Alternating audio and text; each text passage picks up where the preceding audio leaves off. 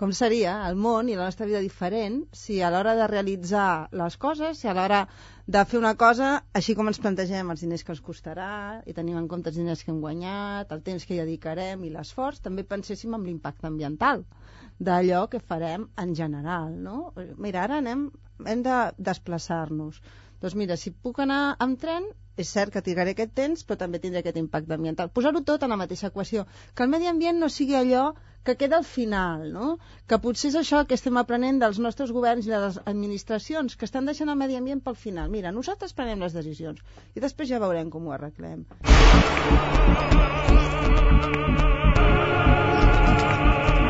L'Hora de Plutó, amb Núria Ribot. Amb l'inici de l'estiu, Greenpeace ha presentat Destrucción a toda costa 2008, l'informe anual sobre la situació al litoral. L'informe assenyala els punts més castigats per l'urbanisme, les infraestructures i la contaminació. Avui, a l'hora de Plutó, volem parlar de la situació de les nostres costes, però també dels últims incidents a les centrals nuclears, els efectes de la pujada del preu del petroli, el canvi climàtic i moltes altres qüestions. Ana Rosa Martínez és biòloga, màster en oceanologia aplicada i delegada de Greenpeace a Catalunya. Ana Rosa, bona tarda, què tal? Hola, molt bona tarda. Molt Acabeu contenta. de presentar aquest informe, Destrucció a toda costa, que és un bon títol, eh, en castellà, perquè ara el levantaven, a toda costa, a tota costa, o costi el que costi, no? Sí, és un bon títol. En català perd una mica de gràcia, però és un títol boníssim. I, i la companya que va tenir la idea realment va tenir una gran idea. Una bona idea, però que realment posa manifest que ens ho estem carregant tot al litoral. Què estem fent? Jo deia, mira, doncs el que estem fent és que som incapaços de valorar la bellesa i el valor d'un litoral eh, verge, bé, verge no hi ha res, però en realitat ben preservat, amb valors naturals, i el veiem com una mina, com una font de diners eh, via requalificacions. I aquest és el problema, que a, mitja, a mida que hem requalificat i hem construït, hem estat matant la gallina dels ous d'or. I la prova és que els darrers anys, tot i que la propaganda diu que vinga, que venen més i més turistes, el que no es diu tant és que estan davallant els ingressos del sector turístic. Per què? Perquè estem depredant el territori.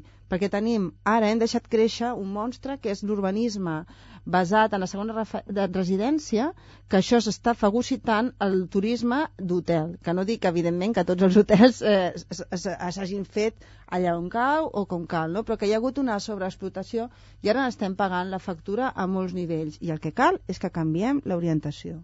Va lligat la degradació del medi ambient i del litoral amb la corrupció? Perquè en els últims mesos no parem de parlar de corrupció en molts ajuntaments del litoral, del sud, del llevant, d'Andalusia, etc etc. Una cosa va estretament lligada a l'altra? Hi ha molts incentius, hi ha tants diners que, a, a, en primer lloc, els ajuntaments depenen en gran part dels seus ingressos de requalificar sols i de les llicències d'obra. Aleshores, això ja és un brou de cultiu. Però quan hi ha tants diners, ni que tinguéssim els ajuntaments finançant-se d'una manera, la temptació és molt gran. I voldria dir, Núria, que no només ens hem d'anar de Llevant, no només ens hem d'anar a Andalusia, a Canàries. Aquí a Catalunya tenim ja tres casos al jutjat, tres casos de corrupció. Una a Salou, una, una a Montanyans i, i el cas de Terres Cavades a, a Tarragona. O sigui, Catalunya no, no, és, no és indemne, no? I nosaltres el que diem és que cal que s'acabi amb la sensació d'impunitat perquè no només és desastrosa per al costa, també acaba sent desastrosa per la democràcia. Catalunya, quins són els punts negres d'aquesta Catalunya que tu feies referència ara? Mira, a Girona trobem que el problema és amarradors i més amarradors i el fet que vulguin fer un port esportiu a Pals, per exemple. El problema és que ens estem anant ja de, del Pla de Ports de Catalunya que ja demanava massa extensió dels ports esportius. Quan un port esportiu el fas o l'amplies, estàs alterant la dinàmica de les platges. Vol dir, alteres els camins pels quals va la sorra, diguem-ne, per dipositar-se a les platges. Erosiones, treus sorra d'unes parts i imposes a l'altra. I més a més, un número excessiu de marratges i de barques també té un impacte sobre el medi natural. A nosaltres ens sembla que s'hauria d'haver apostat més, doncs, per exemple, per sistemes de llogar de ves charters de, de, de barques. No, no pot ser que ara de, de sobte en el mar haguem d'encabir una barca per cada català, diguem-ne que sé que és molt extremat, però és el que es busca. No, hem de tenir maneres de, de, de, de maximitzar eh, el maximitzar l'ús social de cada amarrador. I això no és el que s'està fent. A Barcelona, a la costa de Barcelona, els problemes que han detectat són de contaminació, per una banda, tenim eh, baixa molta contaminació i està molt deteriorat el riu Besòs i baixa molta contaminació també i està deteriorat la desembocadura del riu Llobregat. A més a més, el port de Barcelona és un focus de contaminació molt important, per exemple, d'una cosa que es diu hidrocarburs eh, policíclics aromàtics, però que venen a ser els contaminants del Prestige, per exemple. Doncs això és un punt molt important de, de I d'on surten aquests contaminants? Doncs de la zona del port, molt, molt dels vaixells. La zona del port, però això no són dades que s'inventi Greenpeace, això és, és l'inventari oficial de les indústries eh, químiques, dels, dels abocaments al mar. I i a Barcelona, a més a més, tenim un altre problema. A part de la contaminació química, que és el front de Barcelona. El front és absolutament artificial. I, a més a més, cada vegada s'ha d'artificialitzar més. Ara hem de posar uns dics perquè ens protegeixin la sorra de les platges que ja són artificials i que, a més a més, ja hem afavorit l'erosió perquè vam crear l'estructura del fòrum. A més a més, estem fent un zoo marí que és un exemple del que no s'ha de fer a la costa, perquè, segons la llei de costes, a la costa hi han de posar les infraestructures que per la seva naturalesa no puguin anar enlloc lloc més, i no és el cas d'un zoo. Eh? I, i, I a banda tenim el port de Barcelona, que no para de créixer, que ja va fer desviar la desembocadura del riu Llobregat i que, bueno, i que, i que de fet, eh, com no té en compte que el mar és, és, potser no té prou en compte la força del mar, doncs ara resulta que el, va caure un dic davant de l'antiga desembocadura del riu i només arreglar-lo costarà 30 milions d'euros. Aquesta eh, muralla de ciment que volen posar davant de Barcelona, bueno, uns dics, volen posar dos quilòmetres i mig de dics, eh, eh, que estaran, bueno, no, estaran enfonsats, no es veuran, i un gran espigó, això costarà 30 milions d'euros que pagaran tots els ciutadans i que, a més a més, no ha tingut un estudi d'impacte ambiental. I això, si contrastem, doncs, doncs la Generalitat es gastarà 10 milions d'euros en protegir espais a, tot, a tota Catalunya, a costaners. És a dir, la desproporció és molt gran. Si ens n'anem a Tarragona, llavors ja tenim també dos problemes. L'urbanisme, és curiós, però aquest any tots els problemes que hem identificat d'urbanisme són de la província de Tarragona. Eh? Per exemple, doncs hem vist eh, a la Mella de Mar hi ha una zona on es podria haver preservat i aplicat la, la, la punta de Bon Capó, que es podria haver preservat amb l'aplicació de la llei de costes, doncs l'Ajuntament vol vendre'ns que és un triomf que només s'hi construeixin 14 xalets. Eh, o bé una altra zona, eh, hi ha la zona dels muntanyans, que és gravíssima, que nosaltres estem ja eh, denunciant en suport de la plataforma Sabem els muntanyans des de fa molt de temps. Els muntanyans és aquell parc natural que està a la platja de, de Torredembarra, però aquests s'alimenten per una zona natural que ara s'està construint, que de fet és la desembocadura d'un torrent. És una zona inundable, construir allà suposa no només la possibilitat de d'alterar molt greument l'equilibri que alimenta els estanys dels muntanyars, sinó que, a més a més, pot posar en perill a les persones que estiguin allà, perquè allà hi haurà moltes avingudes, perquè això és un torrent i hi ha moltes avingudes. I de l'altra banda tenim també eh, Deltebre com un exemple de que la urbanització s'està anant cap a zones més barates i, i amb més valors naturals. I ja està havent un creixement molt fort. I de fet a Deltebre ara hi ha més cases noves que a Tarragona i a Reus junts. I evidentment moltes segones residències. A més a més, trobem que l'Ebre està molt contaminat eh, com a resultat de les activitats industrials i molt particularment de flix, amb la qual cosa doncs, nosaltres considerem que si bé el Delta de l'Ebre és una zona encara privilegiada sí que és la que rep més pressions ara mateix de tota Catalunya. El panorama és desolador, eh? Comencem la, la conversa d'aquesta manera i la veritat és que ja has dit tot, només descriure Catalunya em posa la pell de gallina. Doncs sí, posa la pell de gallina. Potser no som tan conscients, no?, quan anem als nostres llocs concrets, sí, veiem com ha anat canviant aquesta platja, aquesta miqueta, però clar, quan veus ja la fotografia global, com l'estàs fent tu, que per cert has deixat Lleida, no sé si és que els de Lleida potser s'ho estan fent millor cap a l'interior. Bueno, és que és destrucció a tota costa, encara que costa Lleida encara. No, no, no, vull dir, de l'interior d'altres matèries. Saps què passa? Que, que Greenpeace no tenim cap o sigui, no tenim campanyes territorials, diguem-ne. Tenim una campanya d'energia. La campanya de boscos que tenim se centra en els boscos primaris i incideix sobre el consum de fusta i de paper tenim campanya d'oceans, tenim campanya de transgènics, però allò de campanyes territorials, la que tenim ben bé és la, és la de costes. Mm -hmm. Per tant, no podem fer una, una avaluació tant de com està, diguem-ne, el territori, no? Més enllà de la, de la franja aquesta en la que sí que treballem. Mm -hmm. I ara amb la imatge del port, el nostre port de Barcelona, que figura ja pràcticament en totes les rutes, rutes turístiques del món, no? amb aquests grans creuers, aquesta espècie de, de, de gratacels que, que aparquen, diguéssim, que estan dintre el port de Barcelona, això també és dolent, és contaminant?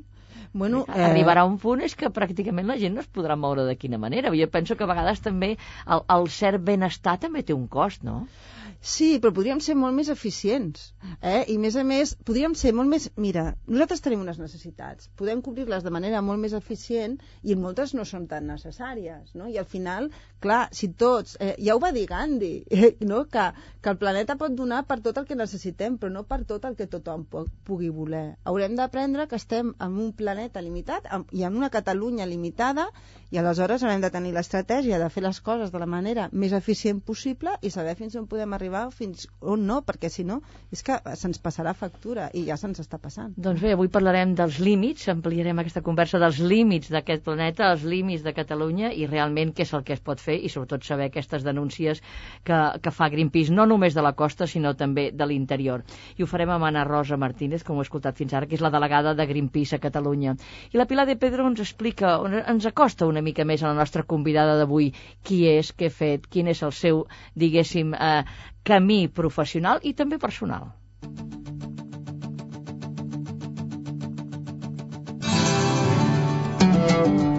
Ana Rosa Martínez és llicenciada en Biologia per la Universitat de Barcelona i té un màster en Oceanologia aplicada per la Universitat de Perpinyà. Entre el 1991 i el 1994 va ser responsable de les campanyes de Greenpeace a Espanya. Al febrer del 1995 es va incorporar al GRAIN, Acció Internacional per als Recursos Genètics, per estudiar l'impacte de polítiques internacionals de recerca agrícola entre els petits productors a tot el món, transgènics, biotecnologia... Al juliol del 2004 va passar a ser la delegada de Greenpeace a Catalunya.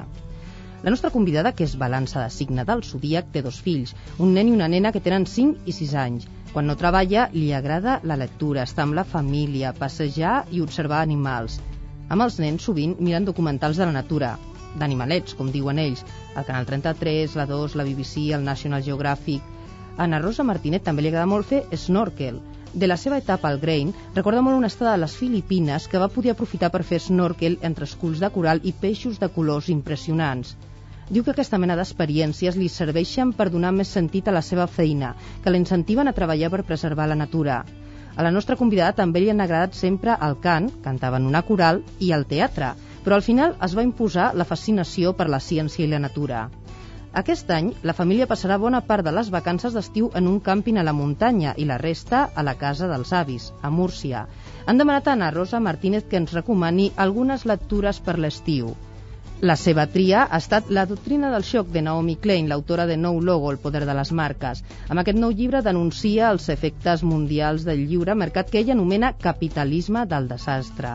També recomana molt Armes, Gérmenes i Acero, del biòleg Jared Diamond, un llibre que intenta mostrar per què la cultura occidental ha estat predominant sobre les altres. I finalment recomana El cinquè dia, de Franz Jetzin, una novel·la que combina una trama que enganxa des de la primera pàgina amb la divulgació científica queda ben clar quines són les grans passions de la nostra convidada. Anna Rosa, comencem, eh, continuem parlant de la pressió urbanística. A veure, tenim nova Ministeri d'Agricultura i Medi Ambient, tenim nova ministra. L'anterior ministra em sembla que, que, bueno, que, que s'ho enteníeu bastant bé. Jo dic, els grups de defensa de la natura, els grups ecologistes, fins i tot va deixar feta una llei que no s'ha aplicat, no? una llei de preservació, diguéssim, del litoral, etc etc.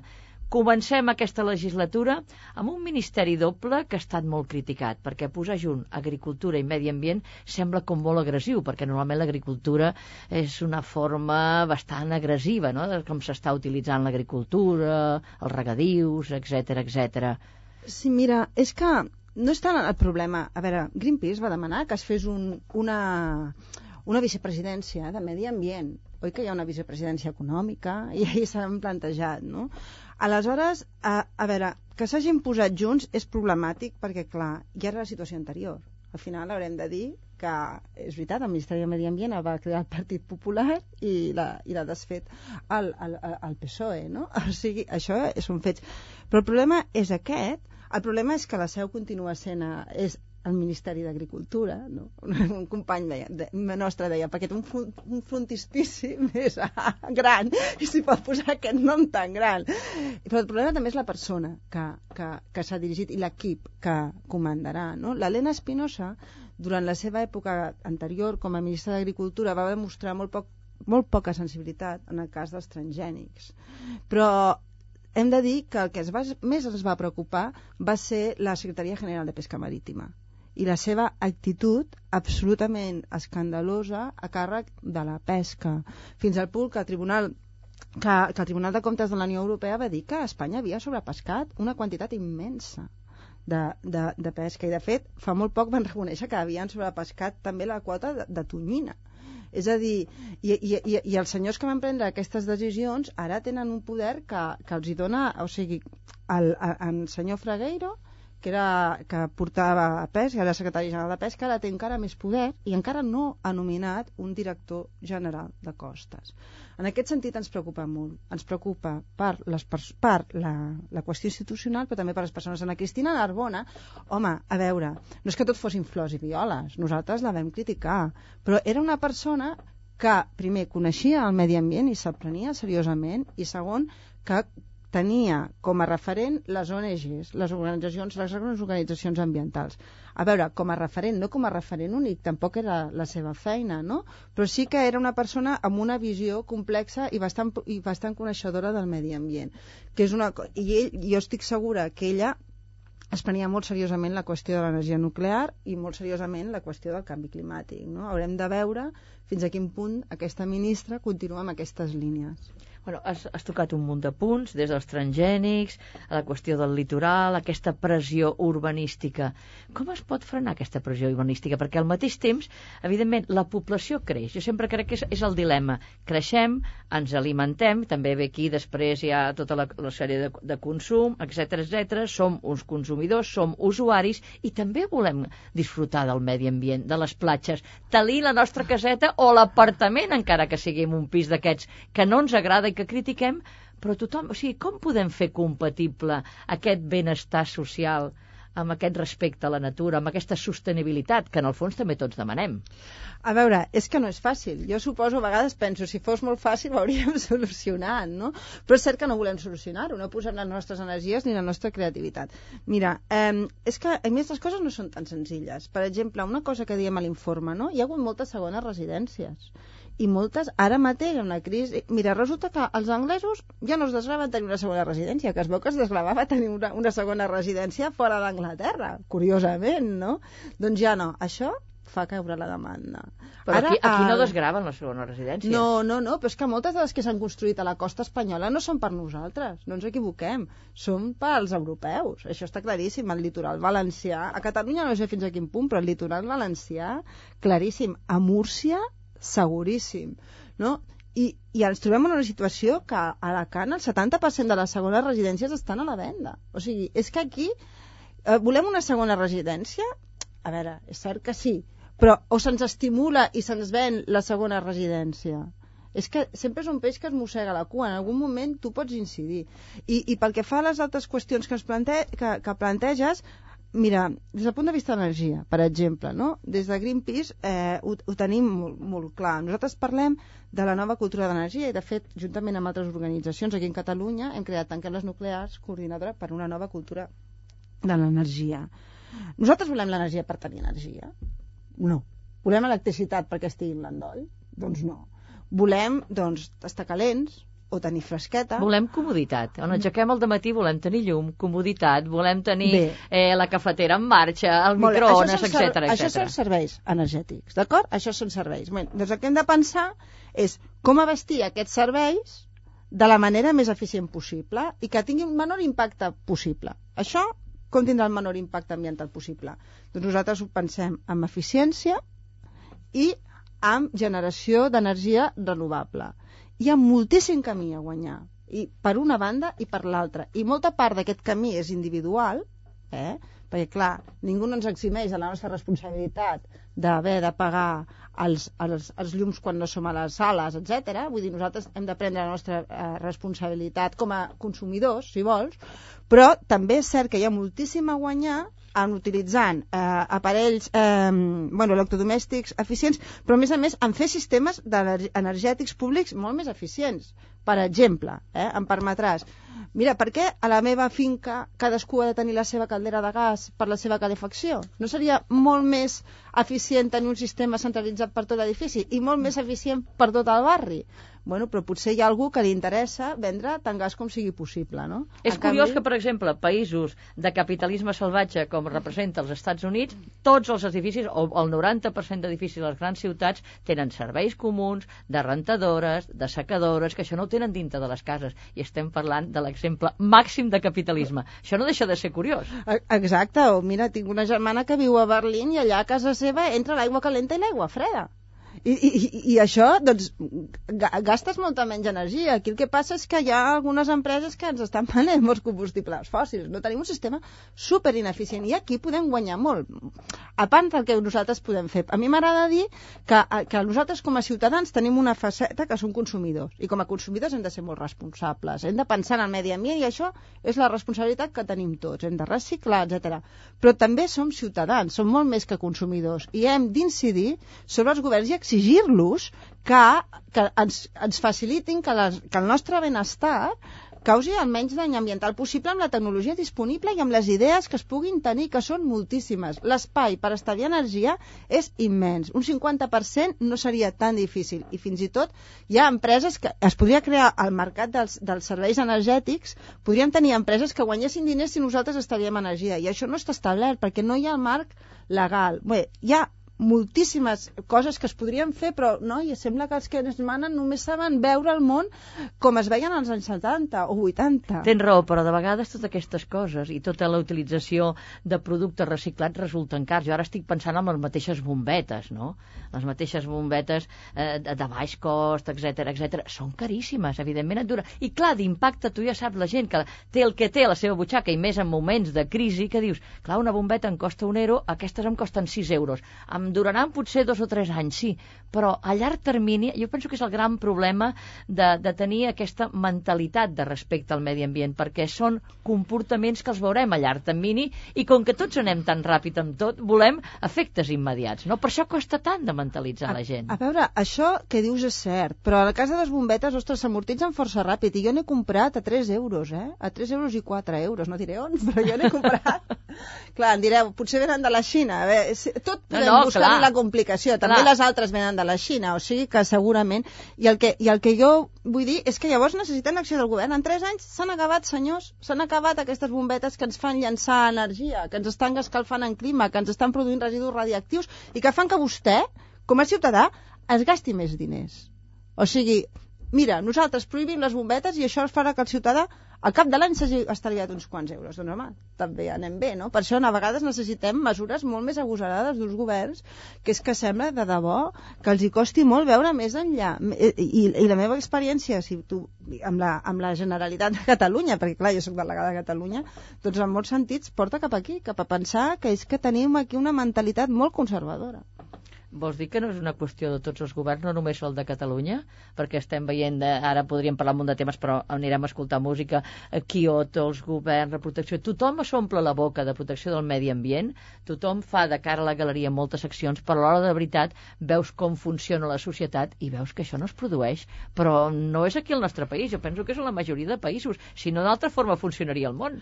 Però països com Alemanya, per exemple, tenen moltíssima més iniciativa i molt més llocs. A Califòrnia existeix un mercat d'estalvi energètic brutal. S'han aconseguit estalviar moltíssima quantitat d'energia al cost d'un cèntim d'euro per cada quilowatt hora estalviat. O sigui, hi ha molta més creativitat. El que passa és que nosaltres, d'alguna manera, hi ha barreres que ens impedeixen. Mira, Califòrnia van invertir, la ciutat de Sacramento volia invertir, i fer una central nuclear li sortia caríssim, i van invertir en mesures per reduir, per estalviar energia, i van aconseguir, no van haver de fer la central nuclear, i la gent no se'n van allà d'allà corrents, sinó amb mesures que a vegades són molt senzilles, a vegades impliquen la creació de mercat, etc. es pot anar molt lluny. Mira, jo recordo l'entrevista, el, el debat de, dels candidats a, al Congrés dels Diputats, el que va fer a cinc bandes a, a Televisió de Catalunya, no? i el senyor Duran i Lleida deia que si l'energia pujava, doncs s'havien de baixar els impostos. És que a veure, eh, potser no és un jovencell, no? Però diries, pots fer tantíssimes més coses? Com pots tenir el plantejament que també té Sarkozy de baixar els impostos? És que no podem anar cap aquí. El que hem de fer és potenciar l'ús més eficient de l'energia i aquest és el futur. Baixar els impostos perquè continuem consumint, doncs si no serà la crisi del petroli, serà l'augment del preu o serà el canvi climàtic, però per aquí anem Potser el preu del petroli es farà replantejar, perquè en el moment que paguem 200 al barril, potser les coses canviaran tant que haurem de replantejar-nos-ho. Fem una pausa amb la paraula i escoltem música. Has, escoltat, has escollit en Joan Manel Serrat? Sí. Res no és mesquí. Uau!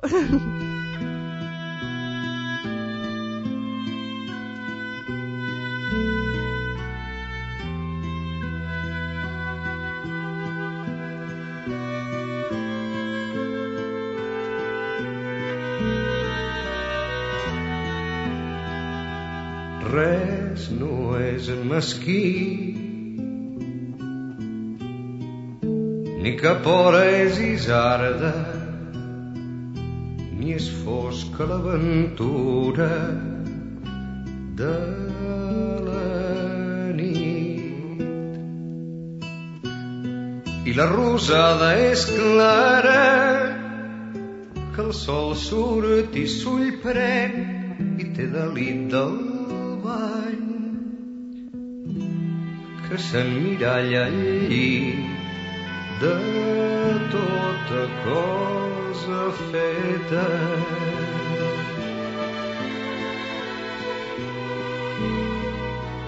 Res no és mesquí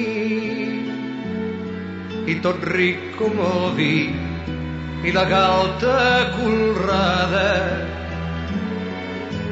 i l'onada del mar sempre riu i l'onada del mar sempre riu.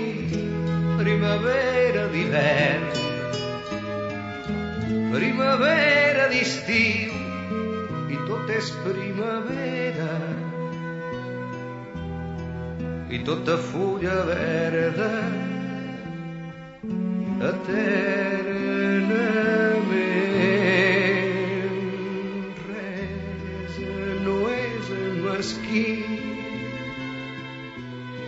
perquè els dies no passen i no arriba la mort ni si l'heu demanada i si l'heu demanada us dissimula un clor perquè per tornar a néixer necessiteu morir i no som mai un plor sinó un somriure fi que es dispersa com gris de taronja. Res no és mesquí perquè la cançó canta en cada brida cosa demà i ahir s'esfullarà una rosa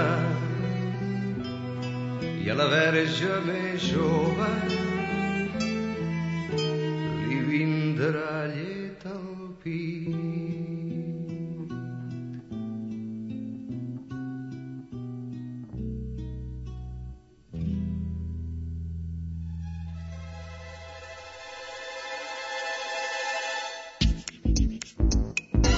L'Hora de Plutó, amb Núria Ribó. I continuem la conversa amb Anna Rosa Martínez, delegada de Greenpeace a Catalunya. Que bonica aquesta cançó que deies, no, del Serrat, allò? Oh, que maca, aquesta cançó. Escolta, estem en plena, en ple estiu. Platges, eh, meduses. L'estiu passat anàvem tots empastifats de meduses. Ens parlaven del canvi climàtic, de tots aquests canvis que estan produint, i clar, desapareixen uns bitxos unes espècies que, es menys, que no es mengen les altres, etc. És una cadena, no? Estem trencant, què, la biodiversitat? Què estem fent? Mira, tenim una pressió pesquera brutal i tenim els mars que s'estan buidant. Estem buidant els mars. I és difícil adonar-se'n, però els estem literalment buidant, els estem convertint en deserts. Davant de Tarragona no queda saitó, no queda sardina. Les pesqueres del cercament estan molt malament. De fet, és que les captures han davallat espantosament. Des de Greenpeace vam intentar incidir ja fa uns anys, quan hi havia una idea d'una proposta de crear una zona de dues zones de, de, de veda, diguem-ne, una per, pel Saitó era, eh? una, una pels adults, diguem-ne, i una altra per la zona de, de reproducció. Al final el sector doncs, no ho va voler i es va perdre una gran oportunitat. Com estem perdent el mar, ai, perdó, el mar no el perdem, com estem buidant el mar, estem fent que, que l'energia que ve del sol, diguem-ne, eh, creï menys vida. Eh? I aleshores, alhora, cada vegada es produeixi menys. Eh? Estem empenyent a la baixa la productivitat del mar per la sobrepesca. I la sobrepesca realment està afectant tots els nivells. La tonyina vermella està en una situació crítica i s'és incapaç, fins ara s'ha estat incapaç Espanya l'ha sobrepescada i la Unió Europea només ara ha decretat una aturada de la pesquera a, abans d'hora perquè realment la situació és dramàtica. La pressió pesquera és enorme. Hi ha flota per pescar dues vegades el que va recomanar l'ICAT, que és l'organització, bé, total, és un desastre. I què passa? Que tu el que tens és més meduses i tens un canvi climàtic. Tens menys depredadors, tens unes cadenes tròfiques que dominen més els organismes que estan més avall perquè tenen més depredadors, però aquest any no hi haurà moltes meduses perquè pel que sembla aquestes pluges han portat aigua dolça cap a la costa i faran més difícil la penetració. No es pot dir blanc o negre, saps? És molt difícil atribuir, que això també quan parlàvem abans de les dificultats, eh? és molt difícil dir blanc o blau. Un, un amic meu pescador sempre em deia, quan hi havia la crisi de Vandellós 2, dius, mira, han els Vandellós 2 i ja no pesquem sardina. Era la seva observació com un pescador ecologista. És complexa, però sí que estem buidant els mars i sí aquest any, que aquest any no tinguem meduses no vol dir que la situació hagi millorat. Vol dir que la pluja ha portat aigua dolça cap a la costa i les meduses no podran entrar. Ens estem quedant sense peixos, però vol dir que per aquesta sobrepesca i aquestes, eh, aquests sistemes tan agressius de pesca, i és veritat. Però això ens ho estem menjant nosaltres. Vull dir, ens ho estem menjant nosaltres i, i dius, bueno, quan no hi hagi sardina no en menjarem, menjarem una altra cosa, perquè suposo que també hi ha aquesta reproducció. Què fem davant d'això? Perquè la gent també, ara amb els cereals mateix, estem fent els biocombustibles, etc etc. Clar, tot és una cadena. Què estem fent? Eh, som molta gent consumint molt. Però clar, hem de donar solucions sí, també d'alguna manera. Tot el dia queixant-nos, no, bueno, però hem de donar però, solucions. A veure, per exemple, nosaltres hem editat una, una guia sobre el peix que es pot consumir i el que no. Primer, no podem menjar peix 5 dies a la setmana. No podem, hem de moderar el consum haurem de, de, de reduir-lo, menjar peix dos o tres cops per setmana. Però clar, hi ha tota una indústria pesquera, hi ha tot un front, hi ha tota una... que ens diuen menja peix, menja peix, menja peix, però en part per la nostra salut, però en part perquè s'està donant sortida a, a una indústria. La, les flotes pesqueres espanyoles van, van des, de gran alt, des de gran altura doncs van ser per activar la indústria de, la indústria de, de les drassanes de Galícia, que eren amics d'en Franco. Bueno, és una manera simplificada uh -huh. de dir-ho, no? I a partir d'aquí fer grans programes perquè la gent mengi peix, perquè clar, ens havíem de menjar el que estaven produint aquests vaixells. Vull dir que mai no és tot tan senzill. No mengem peix cinc dies a la setmana, mengem dos dies carn, per exemple, però llegeixes també que els causants també de, de, de l'augment del CO2 és la ramaderia també. Ara resulta que estàs mirant també, quan veus les vaques, els bous i tots, diu, vosaltres sou els culpables. Què fem, Anna Rosa? A veure, la, la ramaderia és, és part. Bueno, què fem? Doncs moderem els nostres consums d'engam, aprofitem més els llegums, els llegums d'aquí, per exemple, és una bona solució. Tornem una mica al, als consums que hi havia quan no hi havia tantíssim. Intentem-nos moderar, perquè, com he dit, hi ha per tot el que ens agrada, o sigui, hi ha per tot el que necessitem, però potser no per tot el, el que voldríem. Eh? De totes maneres, a veure, hi ha coses que podem, que podem fer, per exemple, aquesta guia de, de Greenpeace que indica una mica les espècies que podem consumir amb més moderació o les que és millor que no consumim. No? Per Això, exemple, evidentment, estarà a la vostra web. Si sí, la, qualsevol oient web. ho vol trobar, Està... ho trobarà a la web vostra. Ara mateix és fàcil de trobar, perquè estos tenim allà assenyalats, no? I llavors tenim un, un, un peix.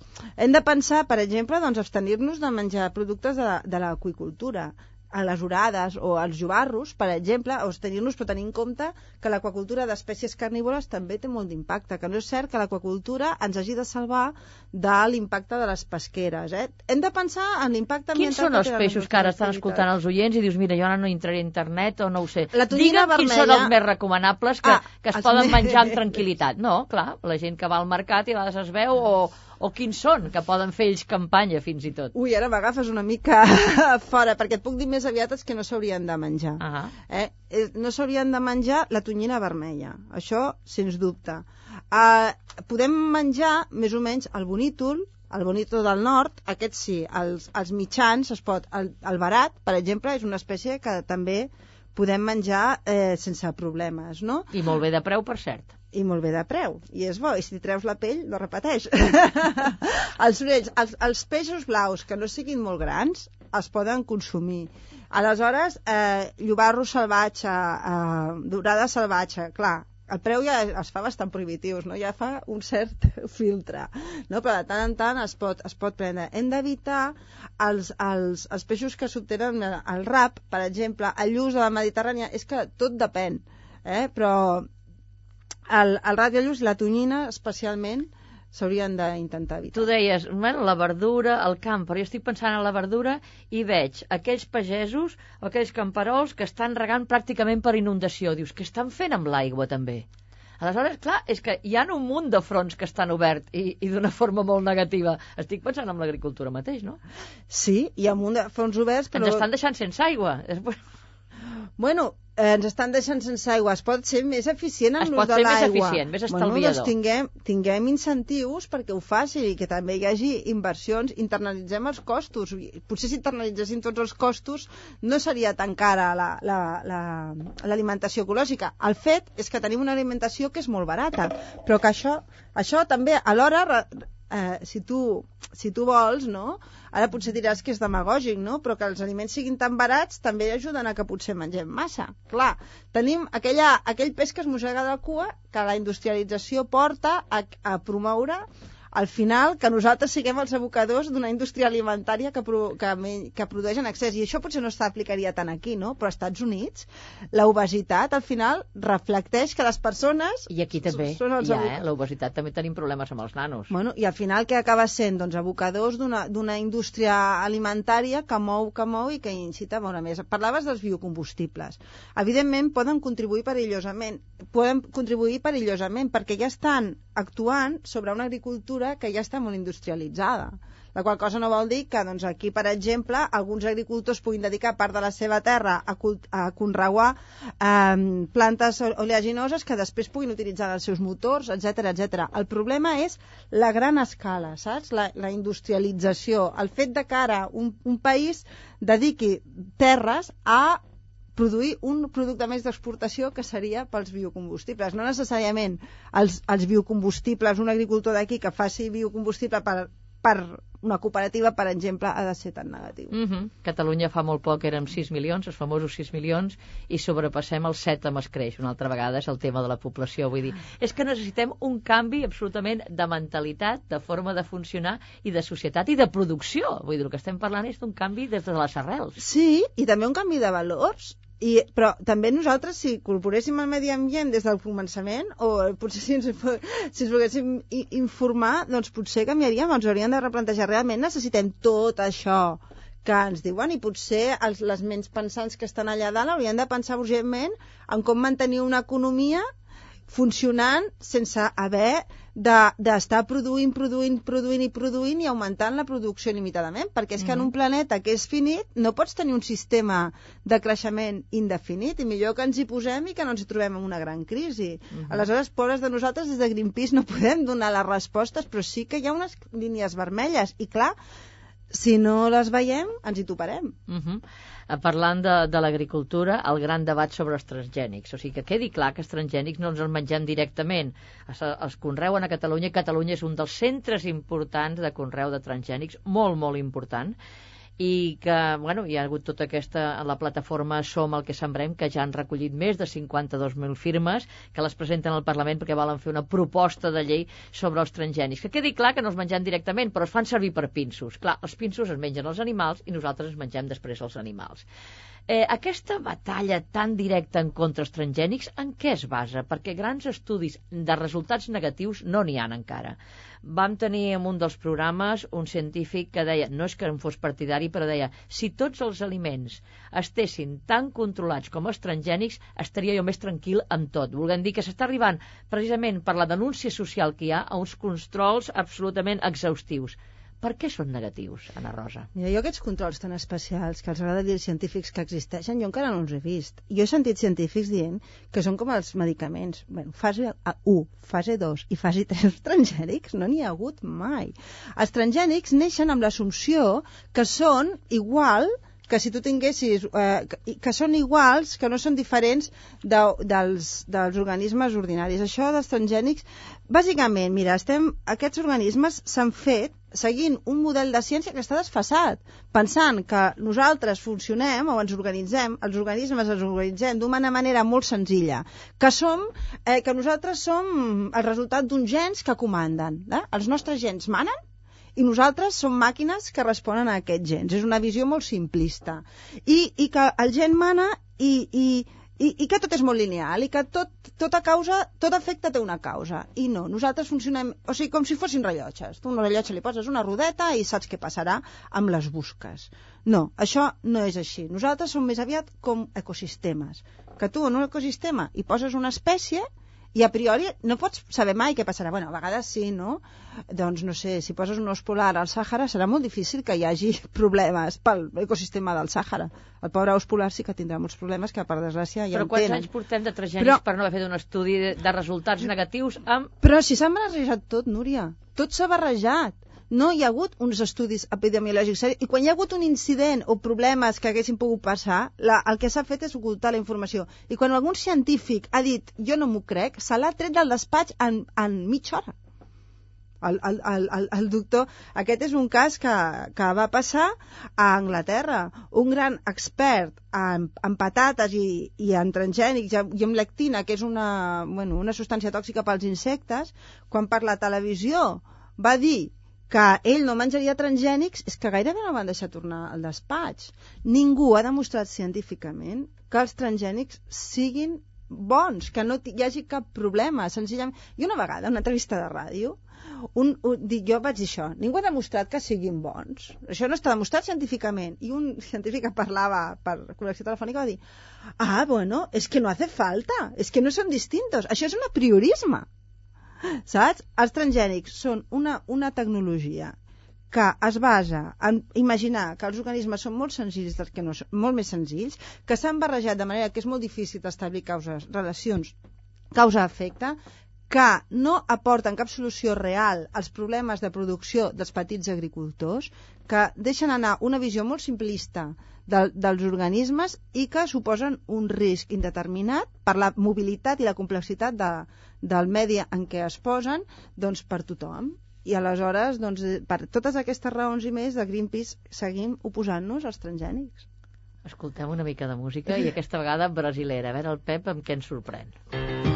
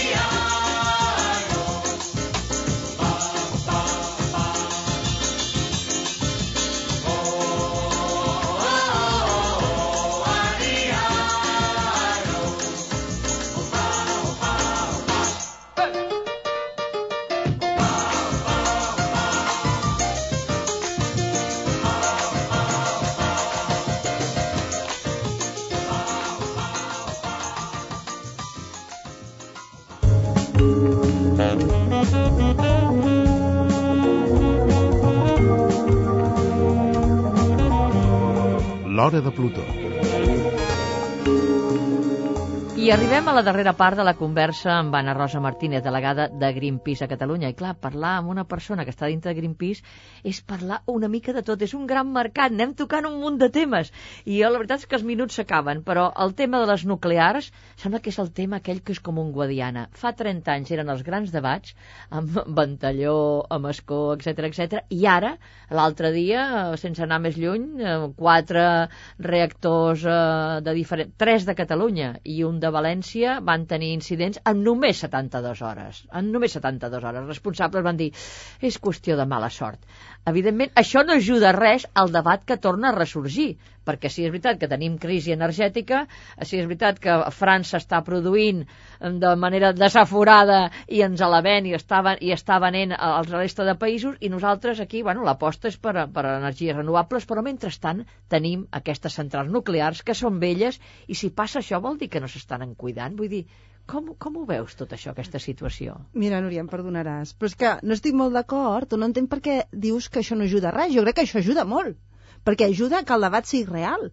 No, o sigui, ara tenim una, una energia nuclear, una indústria nuclear moribunda arreu del món, que abarca com a molt un 2% del creixement, o menys d'un 2% del creixement del mercat elèctric mundial, una indústria que necessita comandes desesperadament, i aleshores, clar, el que l'estratègia que té és, ui, canvi climàtic. Ostres, això ho, jo sé que ho ha dit el, el senyor Piqué en el cercle d'economia. Jo no hi era al davant, però algú que hi era m'ho ha dit. Mira, jo això del canvi climàtic no sé si creure-m'ho, però amb això de, de, de, de, del debat nuclear ens va molt bé per ressuscitar. L'energia nuclear és una energia que ha estat molt cara, que és molt perillosa i tenim unes centrals que envelle... Mira, el problema de les centrals van, Escó, per exemple, va ser admirada durant molts anys perquè anava tota pastilla, produïa moltíssim. Durant 10 anys va produir moltíssim, era de les del món que produïen més. Què va passar? Molt més desgast. No? I ara estem visquent aquest desgast d'aquestes centrals que han estat forçades, diguem-ne. Una erosió gravíssima de la cultura de la seguretat. I que l'han amagat i l'han amagat. Sí, sí. I han anat sortint mica en mica, que havia passat feia mesos, aquests incidents, que no sé què, i vosaltres Exacte. heu dit que fins i tot això podia ser perjudicial per la població. Home, és que no s'ha demostrat que no ho hagi estat. A veure, Greenpeace no volem que la població sigui afectada, però sí que hem tingut una central amb una gent que l'està gestionant com si fos una fàbrica de cargols, que només va a reduir les despeses i a augmentar al màxim possible els beneficis, perquè, clar, aquestes centrals competeixen amb altres fonts d'energia, no necessàriament netes, però estan competint, i cada vegada més en les energies netes. Aleshores, tenim una gent que, que, que no fa servir, que va prejubilar a, a la, als treballadors amb més experiències fa uns anys perquè, per tenir subcontractes que són molt més barates. D'acord? Que, me, que no hi ha un coneixement. Mira, el director d'Escó, el que van destituir, va arribar a dir als treballadors de la central nuclear que les partícules que havien trobat es podien posar en un entrepà i menjar-se-les. Que ho val 60. Però aleshores la pregunta és, aquests treballadors quina formació tenen? Déu meu per estar en una central nuclear que és tan absolutament perillosa i Txernòbil ens ha demostrat que són molt perilloses. Aleshores, tens de centrals envellides, aquesta gent que, que, ten, que, que no es gasten diners en seguretat, que gestionen com si fossin eh, eh, fàbriques de cargols, de components electrònics i del que siguin. Aleshores, tens allà un perill potencial, tens cotxes vells amb, amb, eh, amb conductors suïcides. Això el que cal és tancar-les. No ho podem fer d'avui en demà, però és urgent que invertim en fonts renovables. Aquesta aposta de les energies renovables que fa, també fa el, el govern de Zapatero, eh, en tenim suficient, en la situació no- nostra a Catalunya, en tenim suficient per fer front a aquesta transició en el moment que desapareixin, si és que desapareixen les centrals nuclears, que en principi semblaria la filosofia del govern, no tancar-les, però van disminuint la seva presència. Potser tots aquests incidents que hi ha hagut última hora fa que el debat, com deies, es plantegi i dongui molts més arguments també a, a, a la gent, diguéssim, contrària i que faci veure quins són realment els perills. Clar, és que els perills estan aquí, aleshores ens espere... No, ara Catalunya està a la cua de les renovables, Núria, però tot això ens hauria d'ensenyar que és urgent que invertim i que anem a la capçalera. I, i, i tothom diu l'eòlica i quan no fa vent. Bueno, però és que no és una renovable, has de tenir eòlica, has de tenir solar, fotovoltaica, una solar que es coneix menys que és termoelèctrica, que el que fa és escalfar...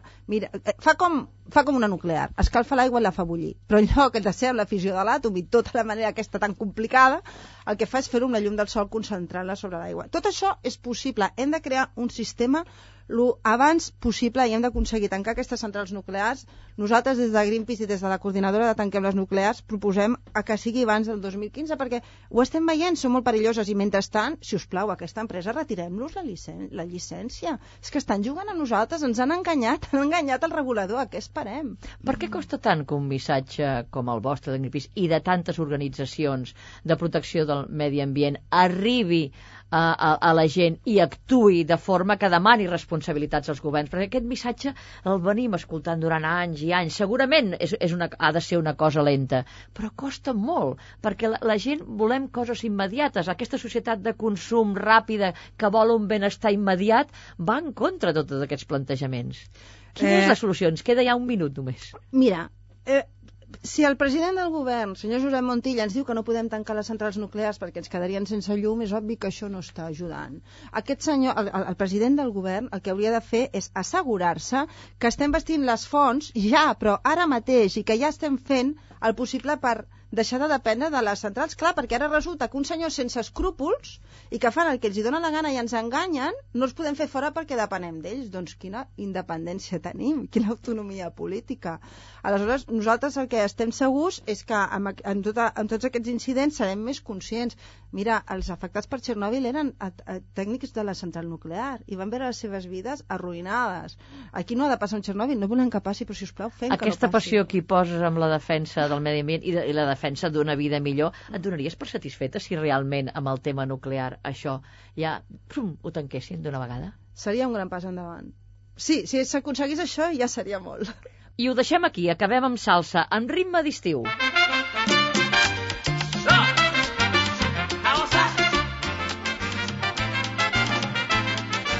Gràcies, Ana Rosa, i gràcies també a tots els oients per acompanyar-nos en nom de tot l'equip, de la Pilar de Pedro, als guions, de la Dolors Joanola a la producció i del Pep Casanovas a les vies de so. Qualsevol comentari, tenim un correu electrònic, plutó arroba catradio.cat.